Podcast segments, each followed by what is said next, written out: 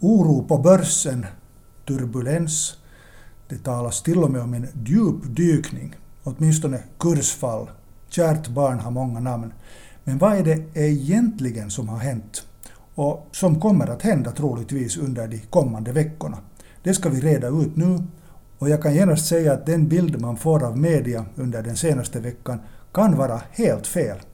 Välkommen med i Pengarnas värld, jag heter Pekka Palmgren. Och välkommen Lars Strömberg. Du är privatplacerare bosatt i Jakobstad, håller kurser om placerande på Medborgarinstitutet och har varit med förut här i Pengarnas värld.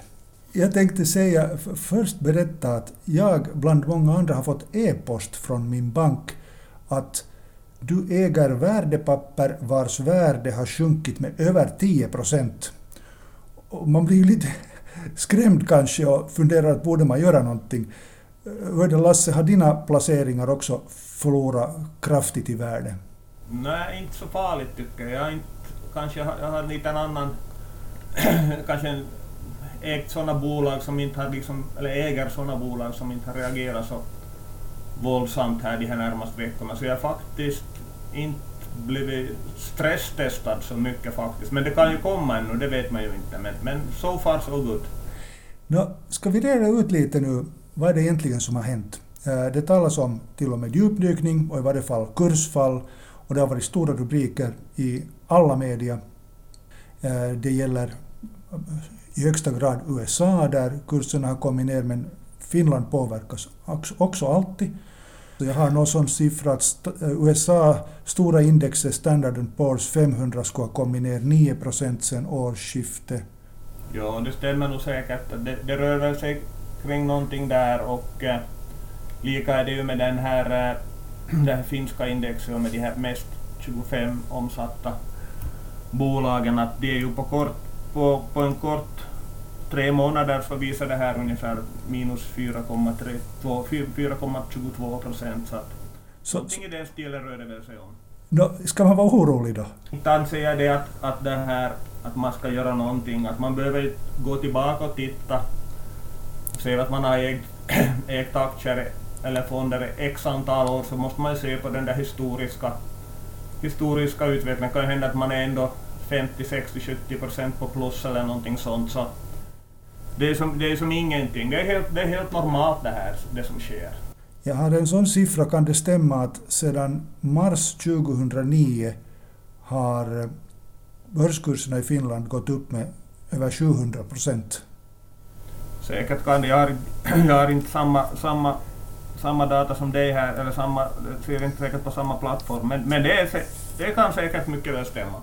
Så att det är egentligen precis beroende på från vilket startdatum man räknar. Att räknar man från årsskiftet, vilket det mycket har talats om nu, så har kurserna gått ner med 4, 5, 6 procent. Men räknar du till exempel från mars 2020 så har kurserna gått upp med till och med 100 procent.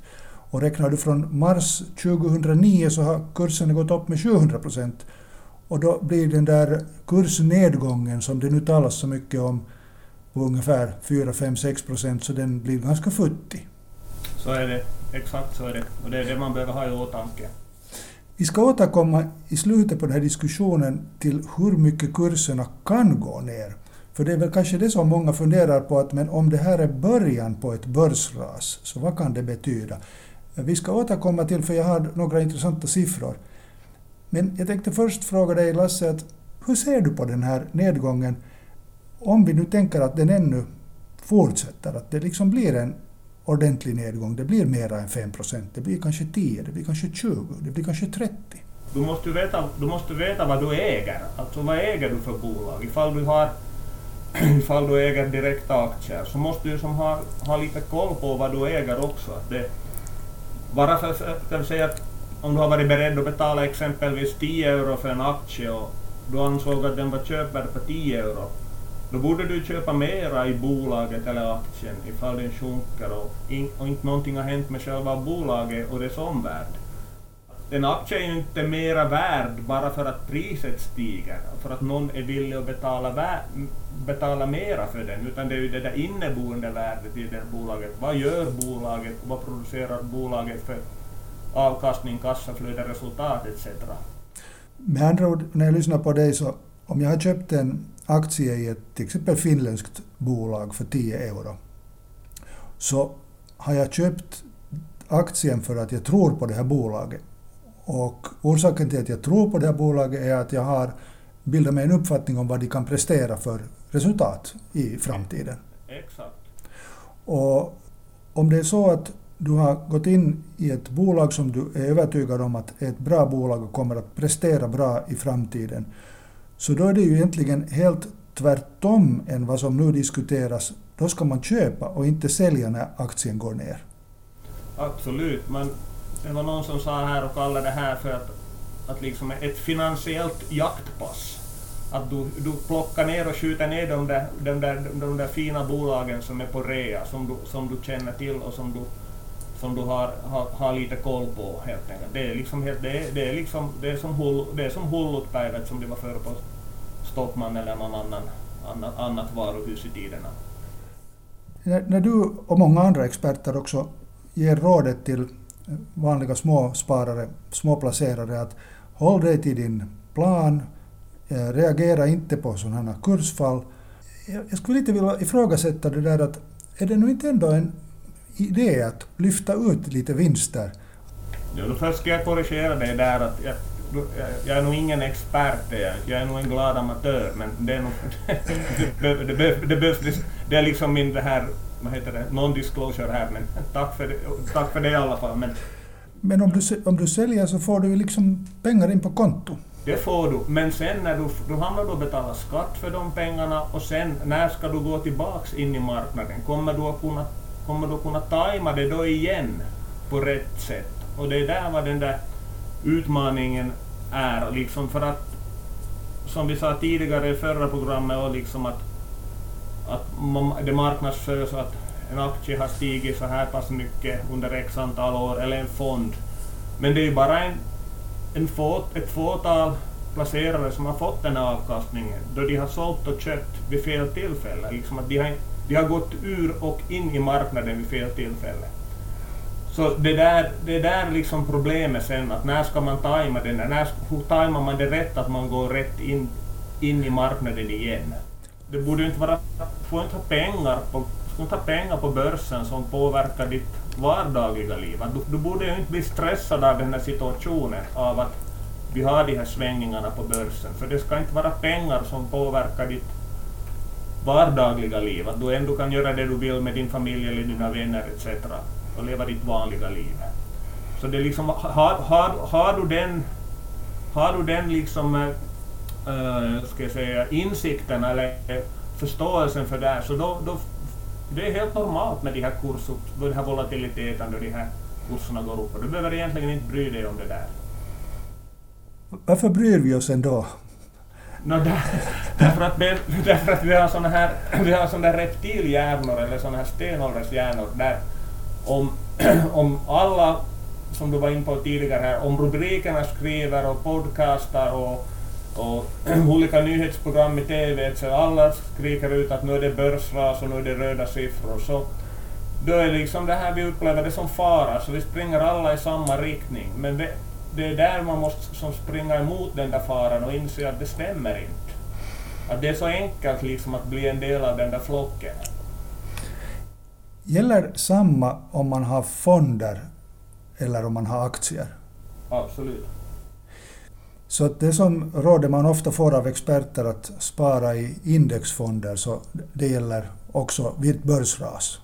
Absolut, absolut. Och det där, om du tänker att du har vanliga aktiefonder, så det är ju samma sak där att om du tänker att du placerar själv i aktier, att du måste göra din hemläxa. Har du vanliga aktiefonder så måste du se till att du har, att du har duktiga förvaltare som förvaltar den där aktiefonden för att de, så att de gör ett, gör ett gott arbete. Men det är ju det som är, som vi diskuterade här tidigare också där före programmet, att, att, det, här, att det är ju det som är fördelen med om du har egna direkta aktier, att det är ju ingen som kan styra, bestämmer över dig när du köper eller säljer. Men i en fond så måste ju en fondförvaltare sälja när alla vill ha tillbaka sina pengar. Och då slängs barnen ut med badvattnet också. Alltså att fina bolag slängs ut till reapris. Vi talar här alltså i pengarnas värld med Lars Strömberg från Jakobstad, privatplacerare. Och jag tänkte fråga dig, att hur mycket kan börsen gå ner? Oj, ja börsen kan gå, börsen kan gå ner. Det finns, finns mycket, säkert, just, eller finns ju forskning om det här, men det kan det ju gå ner 50 procent. Det är ju någonting som är kan det göra det nog? Inte vet man ju. Det vad som händer och hur, hur det här Det är ju många saker, det är nog förstås ränt, räntan och de här räntediskussionerna och med Fed i USA och så geopolitiska, geopolitiska det här orsaker som det brinner ju, alltid, brinner ju alltid någonstans på denna planeten eller så det här förstås med som vi har med covid och sånt om det kommer något annat. Eller. Det, det kommer ju alltid någonting men det är ju det som är, gör det svårt att hela tiden vara investerad om man låter sig skrämmas. Ja, är du fortfarande lika lugn om börsen går ner med 50 procent? Som, som nu under, under den här diskussionen? Jo, nej, nu blir jag garanterat stressad av det. Men, men nu, nu, nu skulle jag ju nu, så här i radio så som vill jag påstå att jag, att, jag, att jag ändå är på köpsidan. Men det är klart om man tänker att kurserna går ner 50 procent och de hålls där i tio år, om det, skulle, om det skulle gå så, det är klart att det är jobbigt för alla. Och du tänker som på pensionsbolag och sånt och som liksom förvaltar våra pensionspengar, så det är klart att det är jobbigt över hela linjen. Men det, där, det är ju ingen som vet det där. Jag har eh, några siffror här som jag tog fram här innan vår diskussion och eh, fick hjälp av New York Times och deras finanssidor. De hade eh, listat några perioder av, av börsnedgång och den senaste perioden var, var ju då förstås eh, under pandemins utbrott i februari-mars 2020. Då gick börsen ner med 34 procent. Och under perioden 2007-2009 så gick börskurserna i USA ner med 57 procent. Och ännu några år bakåt, det vill säga mellan åren 2000 och 2002, så gick börskurserna ner med 49 procent i USA. Men som vi nu konstaterade här i början av den här diskussionen så uh, om man sen tittar på de andra siffrorna så till exempel sedan mars 2009 så har börskurserna kommit upp med 750 procent. Så eh, om man ställer de här nedgångarna i relation till uppgångarna så är nog den här bilden ganska klar tycker jag. Jo, det är ju det att all, all, alla sådana här börsras om det nu, om det nu, om vi kallar det här för ett börsras som sker här och, och det här, det som hände då mars 2020 eller finanskrisen så när man, när, man, när man befinner sig mitt i stormens öga så är det ju liksom att då upplevs ju allting som en jättestor risk och bara hotbilder.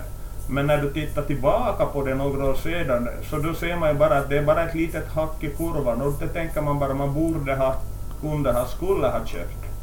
Att det där liksom att det, om du, det är skillnad vad det är så det är alltid bara en liten hack i kurvan men det är svårt när du, när det liksom, när du befinner, dig, befinner dig mitt i den här stormen och, och, med, och rubrikerna skriver liksom att nu är, det, nu, är, nu är det farligt och nu brinner det och hur går det och vad händer och vad händer med dina placeringar.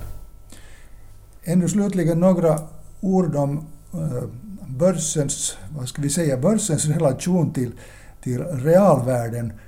Uh, du som också följer med nu företagen så eh, är inte allmänna bilden den att det går ganska bra för finländska företag? Ja, det som jag har kollat på, jag har i min personliga portfölj så har inte så många finska bolag ännu rapporterat, de, de, de kommer här. men att jag tycker överlag så, så ser det, har det sett jättebra ut och det finns ju som, om man tar något bolag i Sverige som har rapporterat jättebra och, och det finns då motsvarande bolag i Finland i samma bransch så nu ser det här, sen, ser det, det här sentimentet eller känslan, känslan är ju nog god att de kommer, de som inte också har rapporterat, de kommer att göra ett, göra ett gott, gott resultat. Det talas om att i Finland så investerar företagen mer än på länge, vilket är ett gott tecken. Och exporten verkar dra bra och nu just står vi inför en resultatperiod. Vi får, får nu höra hur, hur de finländska bolagen har klarat sig under fjolåret. Och eh, förväntningarna är åtminstone ganska stora. Att, att Ja. det, det, då frågar man ju sig att om det samtidigt sker ett börsras, om vi nu kallar det här för ett börsras, och samtidigt redovisar bolagen goda resultat, så är det väl ändå den här realvärden så att säga vi ska tro på. Ja. Och så är det förstås vilka bolag är det som rasar då. Så det är ju det att det är ju det att det är många så här förhoppningsbolag som har, som har liksom eh, som gör minusresultat idag men där, där marknaden har prisat in att de kommer att göra fina resultat om 3, 5, 6 eller sju år eller någonting. Och då är liksom, då har man liksom, då, när räntorna stiger då, så då blir det här som man kallar det diskonterat kassaflöde. Det får liksom en sån här påverkan på de här bolagen att de sjunker i värde så att man kan inte räkna hem den på samma sätt. Så, då, så det är ju som också man måste kolla på vad är det som har sjunkit och vilka, vilka bolag har hållit stabila. Bolag med stigande vinster, stigande kassaflöden, stigande dividender. Så de kommer alltid, anser jag, att, att liksom ha en, ha en eh, kommer alltid att vara en bra placering. Lars Strömberg, tack för att du var med i Pengarnas värld den här gången. Tack!